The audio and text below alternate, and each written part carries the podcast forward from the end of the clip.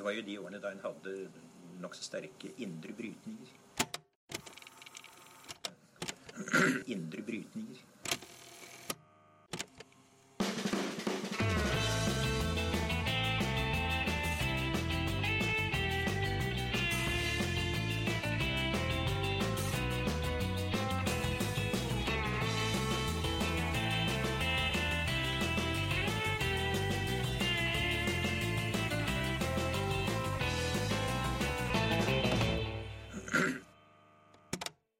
Hei og velkommen til Noen har snakket sammen. Mitt navn er Tiril Rustan Halvorsen. Og jeg heter Aksel Fjellavli. Og du heter Halvor Finnes Trettevold. Ja, for Halvor, du er jo på en måte ikke gjest. Du eh, har jo vært her før. Det stemmer, det, du. Mm. For dere som har fulgt podkasten fra episode én, så kjenner jo Halvor eh, veldig godt. Eh, men som de siste åra har bodd i, Kina. Ja. Eh, men nå har du skrevet bok, og derfor er du i Norge en liten tur. Du har skrevet bok om sosialdemokratiet og sosialdemokrati i en skjebnetid. Mm. Um, hva, slags, uh, hva slags bok er det du har skrevet? Jeg har prøvd å være nysgjerrig så godt jeg har kunnet for å finne ut av hva det er som har rammet sosialdemokratiet i Europa. Fordi i eh, land etter land de siste årene så har de gått på delvis spektakulære og delvis litt mindre spektakulære, men likevel rammende valgnederlag. Jeg husker I en av de første episodene så snakket vi om å ha litt vondt i sosialdemokratiet. Ja, ikke sant? Er det det du hadde? Eh, Det hadde jeg vel kanskje da, på en måte, ja. Altså, la meg liksom legge til også at det, det er jo drevet av en eh, bekymring for at noe av den politiske arkitekturen, om du vil, som vi har hatt i Europa i etterkrigstida, har vært under et press i vår tid. da. Så er jo ikke sosialdemokratiet hele den, selvfølgelig. Det er kanskje halve, eller i underkant av halve, eller noe sånt, men det har vært en veldig viktig del i, eh, i Europas politiske byggverk i etterkrigstida. Og når det um, liksom er litt rystet i fundamentet, så er det noen eh, potensielt skumle utsikter der. Eh, Andre krefter som rykker inn og fyller plassen som sentrumspartiene, om det er sentrum venstre eller sentrum høyre, tidligere har hatt mer polarisert debatt, får vi, og partisystemene i mange av de europeiske landene fragmenteres og sånn. Ja, For det er ikke bare på sentrum-venstresiden at eh, strukturen har endret seg? Nei, det er det ikke. Eh, nå har jeg valgt å skrive om det. Mm. men utgangspunktet mitt har også vært det at de siste årene så har vi liksom brukt mye mental kapasitet på å prøve å forstå én side av den endringen vi ser i Europa, og det er framveksten av høyrepopulisme.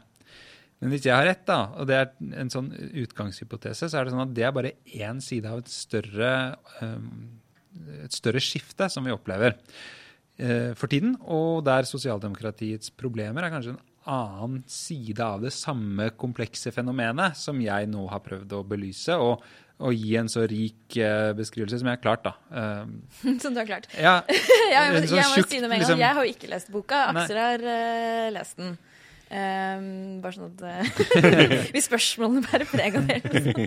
med det forbeholdet. Med det forbeholdet. Men så, det, såpass har jeg skjønt, da jeg var også på lanseringen i går, at du har reist rundt i europeiske land for Ja. å, å undersøke nærmere disse partiene. Fordi det syns at kanskje har preget litt av den diskusjonen som tross alt har vært om sosialdemokratiet eh, de siste årene også, har vært preget av at folk gjerne vil ha et bestemt svar. Ikke sant? De har allerede når de eh, begynner å, å lure på hva problemet er, en klar idé om hva de vil at løsningen skal være.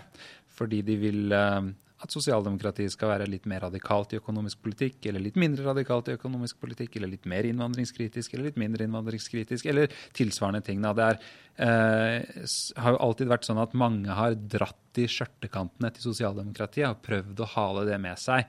Og når det er i krise, så er det klart at det er fristende å si bare gjør sånn som jeg sier, så skal det nok gå bra, eller bare gjør sånn, sånn, sånn som jeg sier, så skal det nok gå bra. Eller gjør sånn som Gerhardsen sa. Ja. Ja, eller gjør sånn som Gerhardsen sa, ja. For, Ja. Ikke sant? Og da tenker jeg at det som kanskje ehm, kan skille dette prosjektet fra noen av de andre bidragene i den debatten, da, er at i hvert fall har prøvd å være eh, nysgjerrig i utgangspunktet. Ikke være liksom så preget av at jeg vil ha et bestemt svar, men gi en eh, problembeskrivelse som forhåpentligvis er mer presis fordi den springer ut av den virkeligheten jeg har møtt når jeg har reist rundt. Og så kanskje kan det da i enden av det komme noen svar som da er mer hva skal man si, ikke, ikke bare preget av hvor jeg vil, eller hva jeg vil at de skal gjøre, og sånn, fordi det, det er på en måte ikke poenget, men kanskje de kan virke.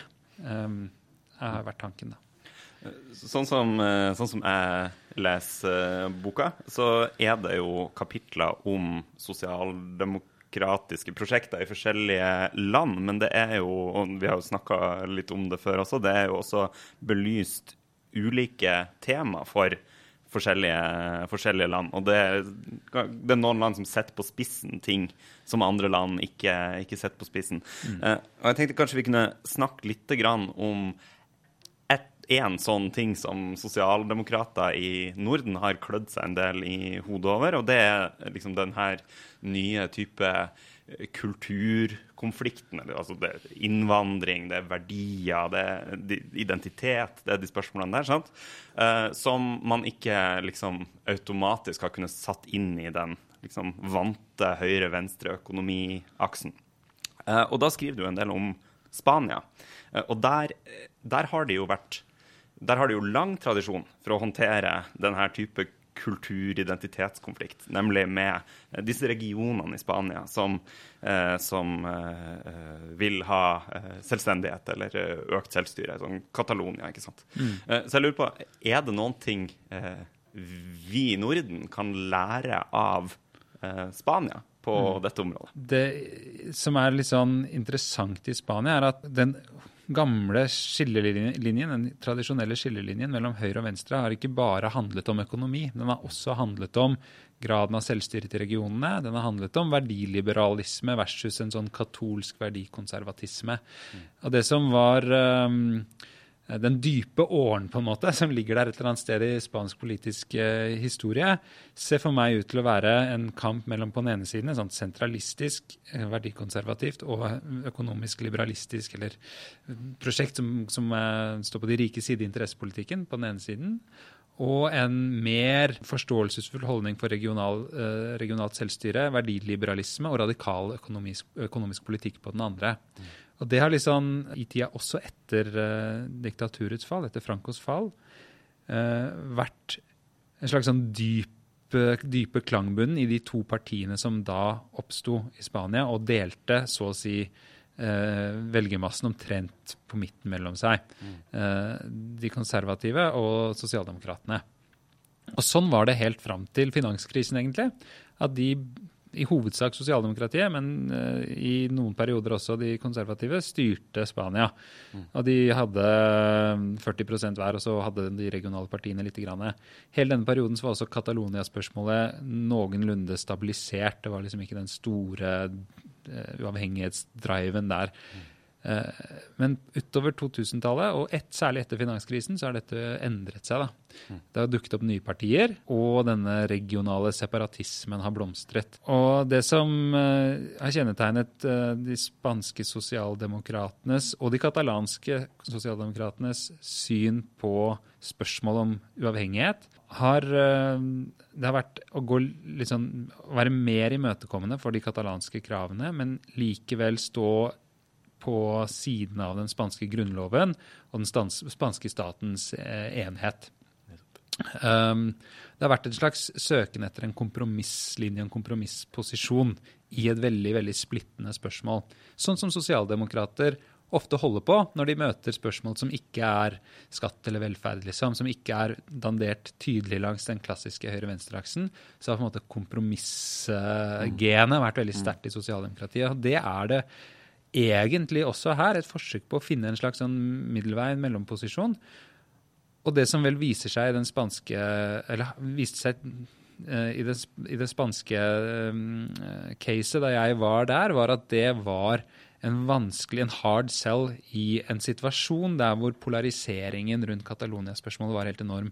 Mm. Den høsten 2017. Den spanske staten fratok Catalonia det regionale selvstyret de tross alt hadde. og sånn.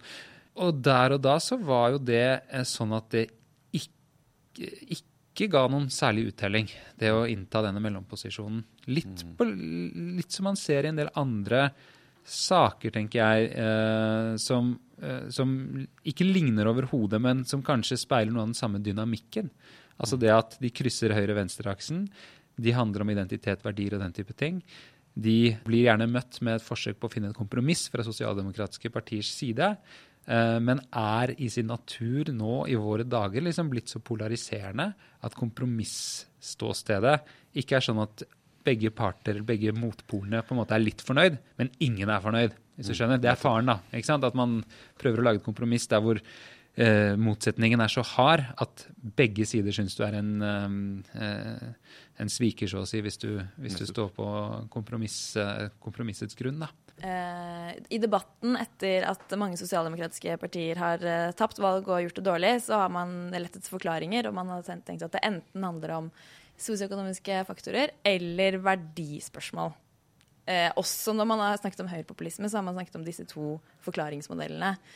Eh, akkurat som at det er et enten-eller. Eh, men, men, du prøver å henge disse to sammen. ja, jeg gikk også rundt og tenkte at det var et enten-eller, eller at det var to veldig tydelig definerte dimensjoner i politikken som liksom var helt klar Altså det var et koordinatsystem, på en måte. Det var liksom høyre-venstre, og så var det oppe og nede, om du vil. Mm. Og at uh, som hadde skjedd, var at høyre-venstre-aksen så hadde liksom sosialdemokratiet og sentrum-høyre-partier rundt omkring i Europa nærmet seg hverandre så mye at det var vanskelig å se noen forskjell.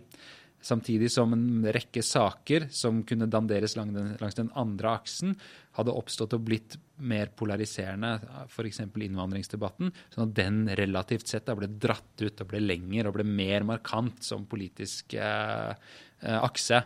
Og det er ikke sånn at det ikke kan være noe analytisk fruktbart i å tenke på den uh, måten.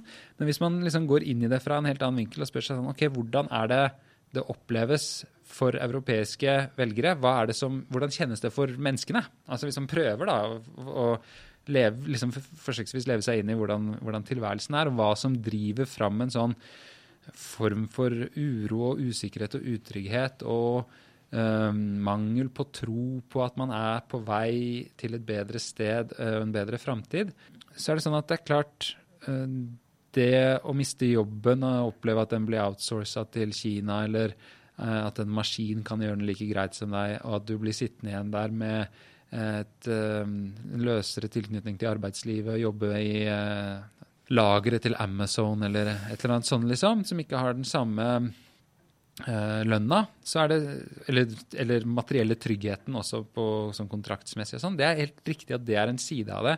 Så tenker jeg at for et person så er det kanskje like sentralt at man også kan miste en opplevelse av hvem man er. Det er ikke bare en ren interessemessig dimensjon i det fallet som mange enten har opplevd eller frykter at de kan bli utsatt for.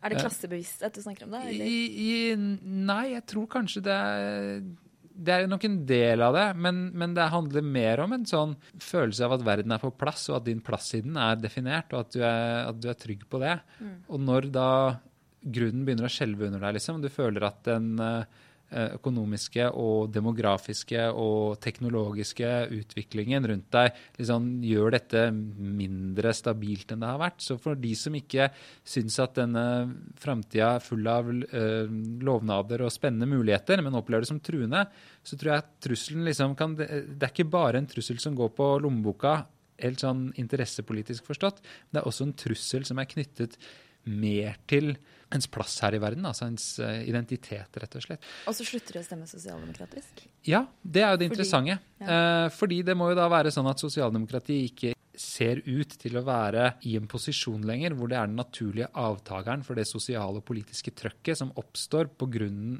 i samfunnet når verden igjen blir utrygg. Du, mot, uh, mot, slutten av, av boka så, så snakker du om liksom, hva som kan være den sosialdemokratiske fortellinga i, i, en ny tid. Og da snakker snakka du om det at sosialdemokratiet må gi folk trygghet i endring. Eh, spørsmålet mitt blir jo da eh, klar, altså Er det mulig å gjøre det til en salgbar fortelling at alle disse skumle tingene kommer til å skje? Men vi tar vare på dere. Altså, Er det mulig å selge endring samtidig som trygghet? Vi må jo tro det. ja, altså, altså, I den forstand at For det vil jo eh, alltid være de som sier uh, nei, vi skal ikke ha teknologisk endring, f.eks. Vi skal ja. ikke ha nye maskiner på disse fabrikkene her. Dere skal beholde jobben. Men hvis det er noe i analysen av at um, at det finnes en uh, motsetning i, i uh, mange europeiske samfunn nå som går mellom en gruppe mennesker som syns at den framtida virker fristende, full av lovnader, og en gruppe som synes at denne framtida virker truende og mm. ikke har ressursene og kompetansen som kreves for å dra nytte av mulighetene som oppstår så kunne man altså for seg at et fornuftig prosjekt ville være å gi ressurser og kompetanse til den gruppa. Uh, sånn at de kanskje kunne være litt mindre uh, fryktsomme da, i møte med disse endringene. Og så kommer man kanskje ikke helt i mål med det, fordi jeg tror nok du kanskje har rett i at det er, det er jo, folk er jo forskjellige. ikke sant? Det er jo ikke alle som liker dette her, at ting begynner å flyte mer og sånn, så veldig godt. ikke sant? jeg tror det er to nøkkelpunkter. Det ene er å gi folk en opplevelse av at man faktisk tar kontroll over transformasjonsprosessene som pågår. Altså at ikke, Det er ikke bare noe som skjer, det er noe man kan styre. Mm. Sosialdemokratiet har historisk alltid hatt eh, en ganske høy tro på at politikken kan styre utviklingen. Ikke sant? Hatt en vilje til å gjøre bruke politikk for å, for å forme framtida, rett og slett. Uh, og så ta kontroll over transformasjonen er det ene. Og det andre er å gi folk ressursene til å takle transformasjonene. Mm. Og det kan være etter- og videreutdanning. Uh, det kan være um, uh, omstillingsstøtte og hjelp i sektorer av økonomien som er spesielt utsatt. Mm. Om det så er pga. globalisering og, og, flytting av arbeidsplasser, eller om det er pga. teknologiutvikling og automatisering, eller hva det er pga. Um, og det kan, tenker jeg også, for det tredje, være Uh, interessant å se videre også på diskusjoner rundt hvordan man, kan, uh, hvordan man skal um, tenke rundt um, det som på engelsk heter life work balance, altså arbeidstid, og om man skal dele det arbeidet som finnes på flere og sånn. Mm.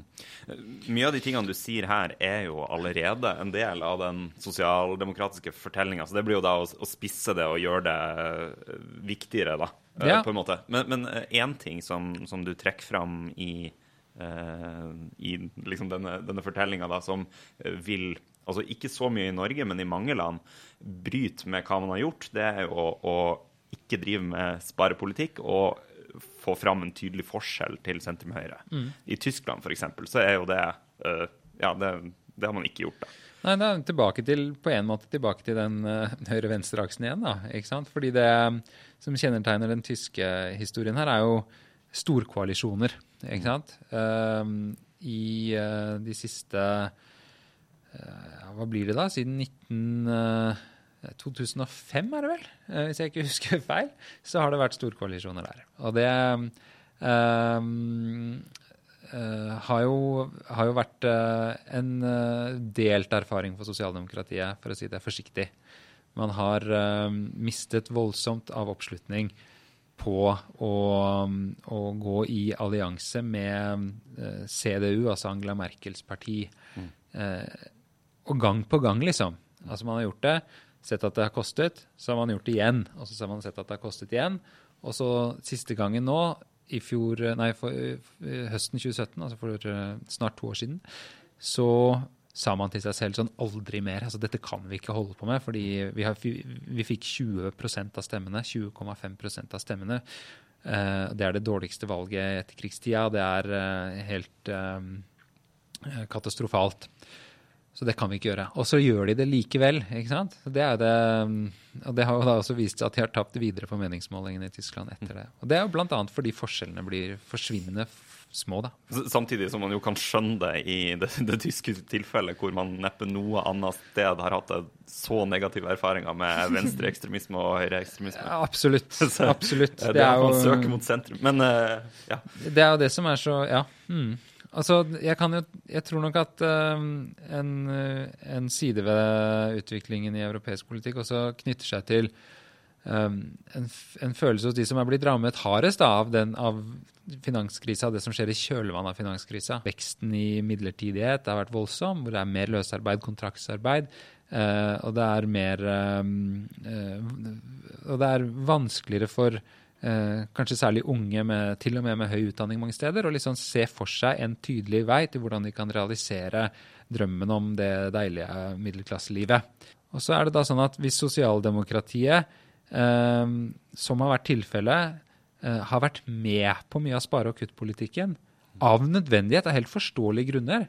Fordi hvis man ikke hadde vært med på det, så hadde kanskje kreditorene eh, dratt ut pluggen. ikke sant? Så hadde man blitt tvunget til å jeg vet ikke, devaluere valutaer eller masse sånne forskjellige ting. Det er kanskje ikke det i, i eh, Det har man kanskje ikke som, som Nei, man kan man ikke gjøre i EU, men ikke sant? Det, altså, det, det, det man kunne gjort Man kunne forestilt seg at uh, det ville vært veldig rammende for uh, en økonomi å f.eks. ikke lenger kunne være en del av eurosamarbeidet, som nesten skjedde med Hellas i sin tid. ikke sant? Og det, um, det um, Så konsekvensen av å ikke være med på kutt- og sparepolitikken er også enorm. ikke sant?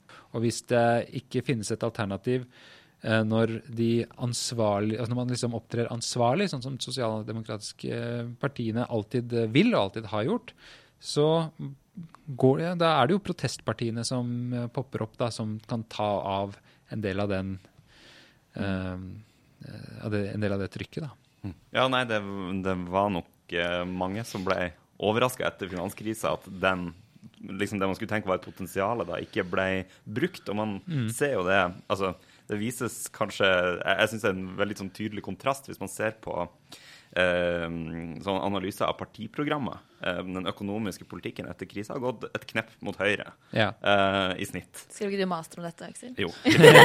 mens mens eh, velgerne i snitt har gått et knepp mot venstre.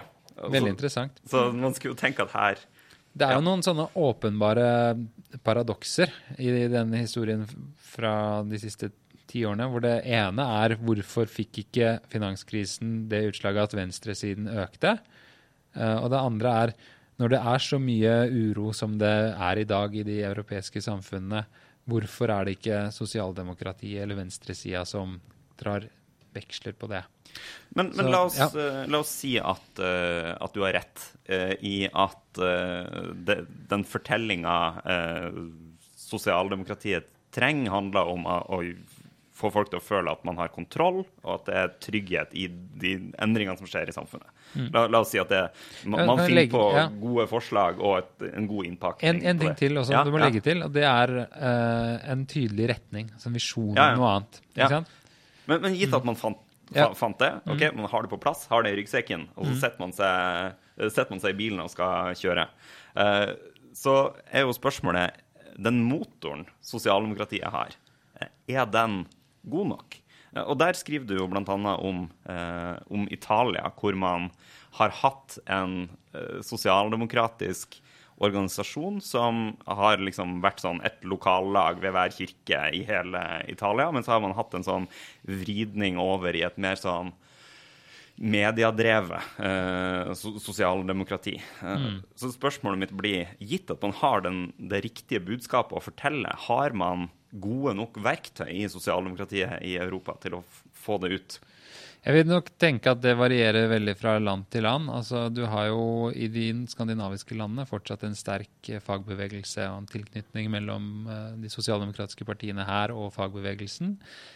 Eh, I Storbritannia har du fått en voldsom medlemsvekst blant unge aktivister som er kjempegira og klare for å stå på stand og banke på dører på en helt sånn oppsiktsvekkende måte, egentlig. Det er mange problemer med det òg, men, men la oss nå sette en parentes rundt problemene og si at det, den siden av eh, utviklingen i Labour er interessant. Og, og så har du da sånn som i Italia eh, et eh, sosialdemokratisk eller et sentrum-venstreparti som har gjort en voldsom vridning vekk fra det de tradisjonelt Den tradisjonen de kommer fra. altså I Italia så har du jo var det jo etterkrigstiden kristeligdemokrater og kommunister som var de to sterke partiene. Og så via viderverdigheter så har venstresiden i kristeligdemokratiet og det reformerte kommunistpartiet gått sammen i et sentrum-venstreparti. Men det som kjennetegnet, kjennetegnet både kristeligdemokratiet og kommunistpartiet historisk, var jo ekstremt tette bånd til lokalmiljøene. Ikke sant?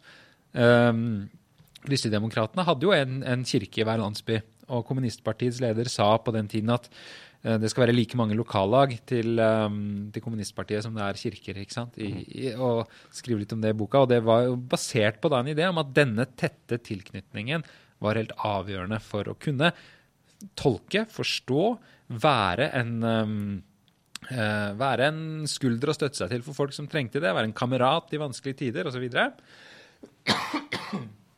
Og, og, og så, med, så blir det jo litt, litt sånn støvete og gammelmodig over dette etter hvert, ikke sant? Eh, nå kom sist på, på 2000-tallet med sosiale medier og alt de tingene, så, så um, framsto da den uh, sentrum-venstre-partiet, særlig under den forrige lederen som var før Matteo Renzi, som, som litt, sånn, litt sånn støvete og gammelmodig på en måte. Så han kommer jo inn som en virvelvind og bestemmer seg for at han skal reformere hele greia. Og vil at partiet skal bli et annet enn det det var. Og det fungerte jo fantastisk. Til å begynne med helt utmerket. Hadde stor, stor suksess i uh, europaparlamentsvalget 2014. Um, um, men, men, sannsynligvis da på, uh, på bekostning av den tette tilknytningen. Hvis man ser det i dag, så er jo det partiet eh, Partito Democratico, som det heter. Eh, nå har de fått en ny leder igjen, så det kan hende at det kan gå noe opp igjen. Men Matteo Renzo, Renzi ble etter hvert veldig upopulær og, eh, og fikk, måtte slite med noen partisplittelser. Og eh, fikk på en måte eh, velgerne mot seg til slutt. Ikke bare fordi han, han gikk til, mot sentrum i økonomisk politikk, og også fordi han da på en måte demonterte det som var igjen av den gamle, nære, tette tilknytningen. Da. Så Det er klart, altså, det er jo ikke sånn at jeg tenker at, man skal ha, at det er én modell som vil passe i alle land i Europa. Det er jo store forskjeller. Men en av de tingene man kan være helt sikker på, er at hvis man ikke har en ganske tett tilknytning til befolkningen og god forståelse av hvor skoen trykker i de forskjellige landene, så er det også veldig vanskelig å skape en fortelling som faktisk virker der. Som faktisk kan medføre det at man klarer å skape, vedlikeholde, bygge, styrke en eller annen form for allianse som kan bære sosialdemokratiet til framtidige valgseiere. Sånn at man må jo begynne med den, den, konkrete, kontekstualiserte forståelsen av hvordan er det her. Mm. Og for å få til det, så må man ha de tette båndene. Og hvis man skal ha, også bli hørt på, hvis man prøver å liksom eh, forme noen av de um, bekymringene eller de drømmene folk har, mm. eh, inn i en sosialdemokratisk retning, så må man jo også være tett på for å klare mm. det. Så mm. jeg tror nok at det også kan være en, en, utfordring mange steder, at man over tid har, har liksom um, uh, vært litt for uh, litt for um, nonchalant med den siden ved hva de breie folkepartiene en gang var. Mm.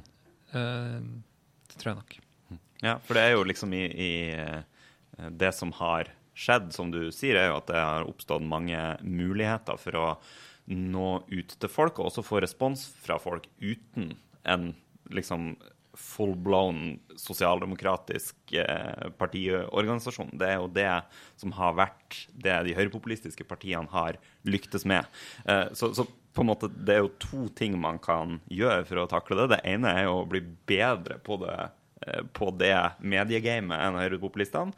Eller man kan si at man kjører på med den gamle oppskrifta. Sannsynligvis en slags kombinasjon. Ja. Men, uh, en av kildene mine i Italia-kapitlet sier at det Partito Democratico burde gjøre først og fremst, er å stille opp på torget i alle mm, italienske byer og småbyer hver lørdag og bare stå der og prate med folk. For å gjenskape en kontakt som da mener har gått uh, uh, i oppløsning.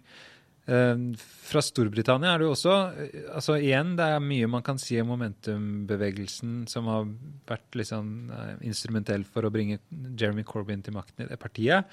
men noe av det interessante de forteller når jeg snakker med dem, det er altså at den vendingen som skjedde på 1990-tallet i, i, Labour, som bl.a. gikk ut på å profesjonalisere arbeidet med kampanjer, med meningsmålinger, med fokusgrupper, uh, som førte til liksom veldig tydelige um, uh, målretta kampanjer mot bestemte grupper i bestemte valgkretser for å tippe liksom, valgene sånn og sånn. Det var veldig mye kraft som ble satt inn på det.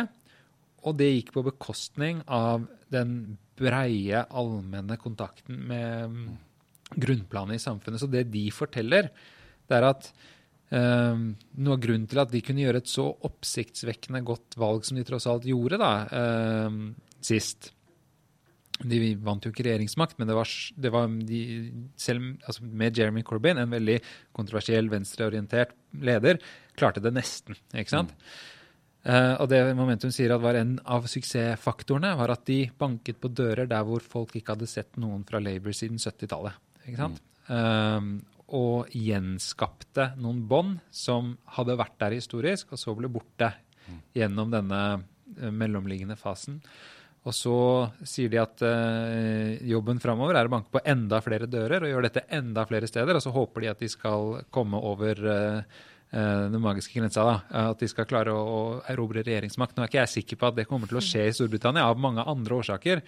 Men det, er en, det, det spiller litt opp til, i forhold til det du eh, sa, Aksel, om nettopp eh, viktigheten av å tenke også organisasjonen som, eh, som, som mellomliggende greie mellom det sentrale partimiljøet med hovedkvarteret og rådgiverne og de folkevalgte og sånn, og befolkningen som man da egentlig skal være til for å representere. Det er jo eh, hardt, hardt å melde da, som, eh, som løsning på eh, sosialdemokratiet sine utfordringer, at her er det hardt arbeid som skal til. Det, Ja, men hadde det vært en quick fix, så hadde det vært deilig det sikkert for dem, men det, det er det nok ikke her heller, som på så mange andre deler av områder av livet. Så det er ikke sånn at det er løst en gang for alle heller. Det er jo noe som har kjennetegnet sosialdemokratiet gjennom historien. En evne til å gjenoppfinne seg selv når verden er blitt ny og, forandret, øh, og har forandret seg. Sånn at det er ikke sånn at det er øh, umulig å gjennomføre det, eller at de ikke kan klare det. De må snarere kanskje um, bringe fram igjen den, øh, de glemte kunstene som har vært å, å nettopp fornye seg selv når situasjonen har krevet det. Men uh, Halvor, tusen takk for at du kom eh, hjem, uh, rett og slett. Og så får vi bare oppfordre alle til å uh, lese, lese boka. Takk for at jeg fikk komme. Det har vært, det har vært hyggelig, det. Mm.